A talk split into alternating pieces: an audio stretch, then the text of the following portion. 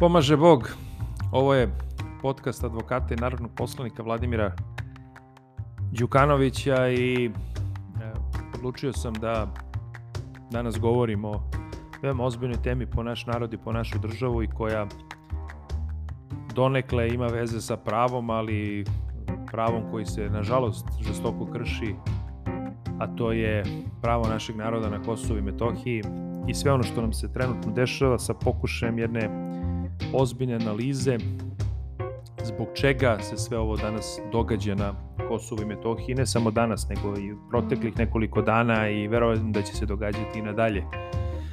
Danas je situacija veoma složena jer imamo jedan ozbiljan i strašan upad Rosu policije na sever Kosova i Metohije. Pre nekoliko dana su upali i zauzeli su administrativne prelaze. Danas su upali pucali po ljudima. Nažalost imamo dosta ranjenih ljudi, imamo od toga jednog momka veoma teško ranjenog.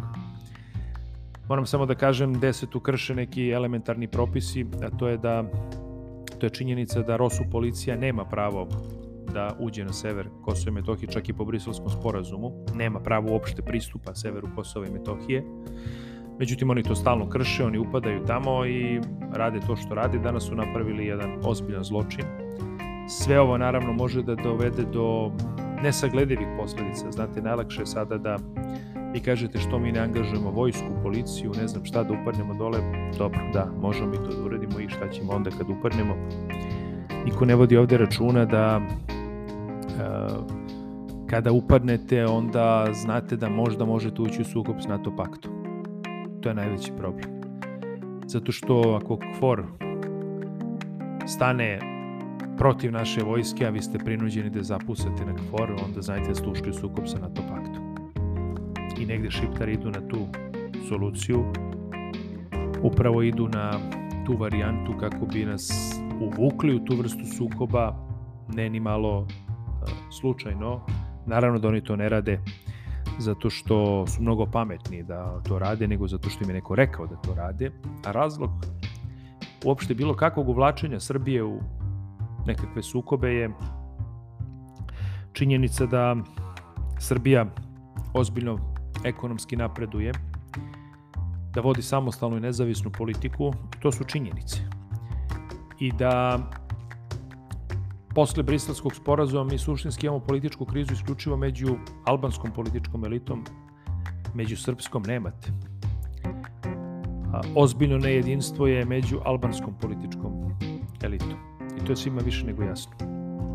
I jedini način da oni nekako dođu do bilo kakvih političkih poena, s obzirom da ne mogu ljudima da ponude ekonomsku perspektivu, opstanak na Kosovo i Metohiji, a i činjenicu da nisu uspore da izdistuju priznanje, odnosno da zaista u pravom smislu te reči postanu država, jedini način je da se okrive Srbi koji su glavni faktor i glavni krivci, zato što on, oni, eto, Bože moj, nisu država. I onda kako onda ajde da upadamo u sred predizborne kampanje, ajmo da upadamo po a, srpskim selima, po srpskoj sredini, da upucavamo ljude i slično.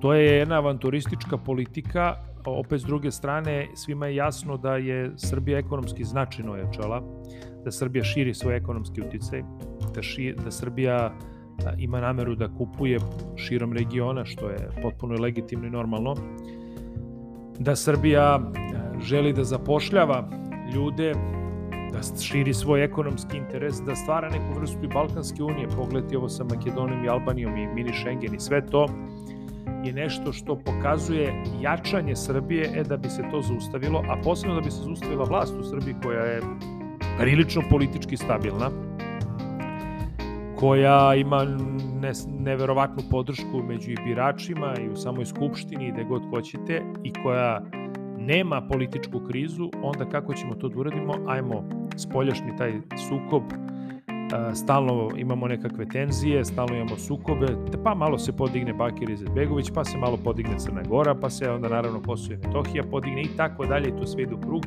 s što ovde na Kosovo i Metohiji je to najozbiljnije, jer tu upadaju oružane formacije i imate, imate sukobe. Prema tome, to je nešto što nas uvodi, nažalost, u sukob, uvodi nas u, u nešto što mi ne bismo želeli. Srbiji sukob nije potreban. Ljudi moraju da shvate.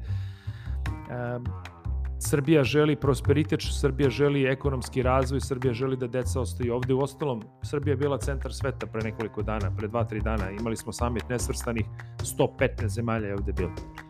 Znate ko je to sad uticaj Srbije, koliko je ona svoj kredibilitet povećala, koliko je ona postala snažna. Beograd je ponovo postao centar ekonomskih zbivanja. Jednostavno, u toj situaciji reaguje se na jedan vrlo ružan način, ajmo da rušimo Vučića i onda ili mu prave unutrašnje zvrčke, i to čak u redovima njegove stranke, znači ili se prave unutrašnje zvrčke ili se od medijski podriva ili kako god, ili imamo ovo, sukobe gde vi onda ste prinuđeni da angažujete vojsku i policiju, da dižete borbenu gotovost i ovo upozorenje koje je danas dato od strane naše zemlje, to je da imaju rok od 24 časa da, ovo, da se ovo smiri ili će Srbiju potrebiti svoje vojne snage je prilično uh, ozbiljno upozorenje. Vidjet ćemo dokle će to doći. Uh, ono što je činjenica to je da su i na Kosovu i Metohiji u izbori u nedelju, naravno da kompletan narod se poziva da glasa za srpsku listu, jer je to prosto Republika Srbija. I da bi se negde pokušalo da podriva to srpsko jedinstvo, da bi nekako pokušali da nas uplaše, onda rade ovakve stvari, problem je tome što su sad upotrebili bojevu municiju i pucali po ljudima. Sad zamislite adekatan odgovor da je stradao neko od pripadnika Rosu, gde bi nas to sve dovelo. Nažalost, e, plašim se da će ovih ovakvih sumanutih akcija biti još, ali ono što mi moramo da, da radimo, ja apelujem na građane Republike Srbije, zaista apelujem na pravi način da informacije vezane za sukob na Kosovu i Metohiji dajemo pravovremeno, ali samo da su tačne i da širimo ono što jeste tačno. Znači svaka vrsta dezinformacije, širenja panike, bilo čega, odmaže našem narodu. Zato vas molim da svaku informaciju koju primete proverite. Jer društvene mreže danas jako brzo šalju informacije i one mogu čak i da budu poslate iz samog albanskog nekog centra, mogu da naprave nam ozbiljnu pometnju. Nemojte e, da smetnete suma da Srbiju čekaju velika, velika iskušenja. Samog Vučića čekaju zastrašujuće iskušenja s obzirom da jasno vam je ko dolazi ovde za američkog ambasadora, dolazi Christopher Hill i to će biti ozbiljan problem za Srbiju. Radi se o srbofobu, dokazanom srbofobu, ali vidjet ćemo kako će se ponašati na kraju svoje diplomatske i političke karijere s obzirom da već ima 69 godina, ali dok je bio angažovan kao jastreb Richarda Holbrooka, velike muke je zadavao srpskom faktoru, posebno u Bosni i Hercegovini, ali samim tim čim se takav angažuje, znajte da Amerika pokušava da ponovo intenzivno lobira za, za albanske, albanske interese. Plašim se zaista eskalacije sukoba, međutim, mi moramo trezveni da budemo, moramo da budemo pametni, Srbija mora da apsolutno izbegne svaki vid sukoba, znači nama nikakav sukob nije u interesu.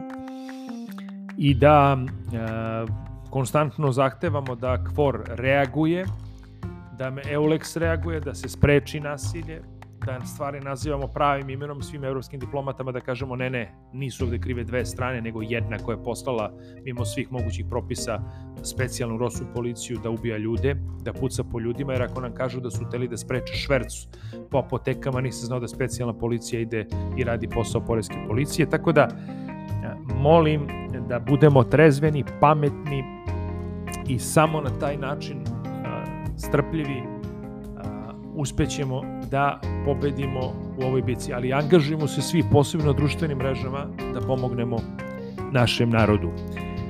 Svako dobro od gospoda i hvala što ste slušali ovaj podcast.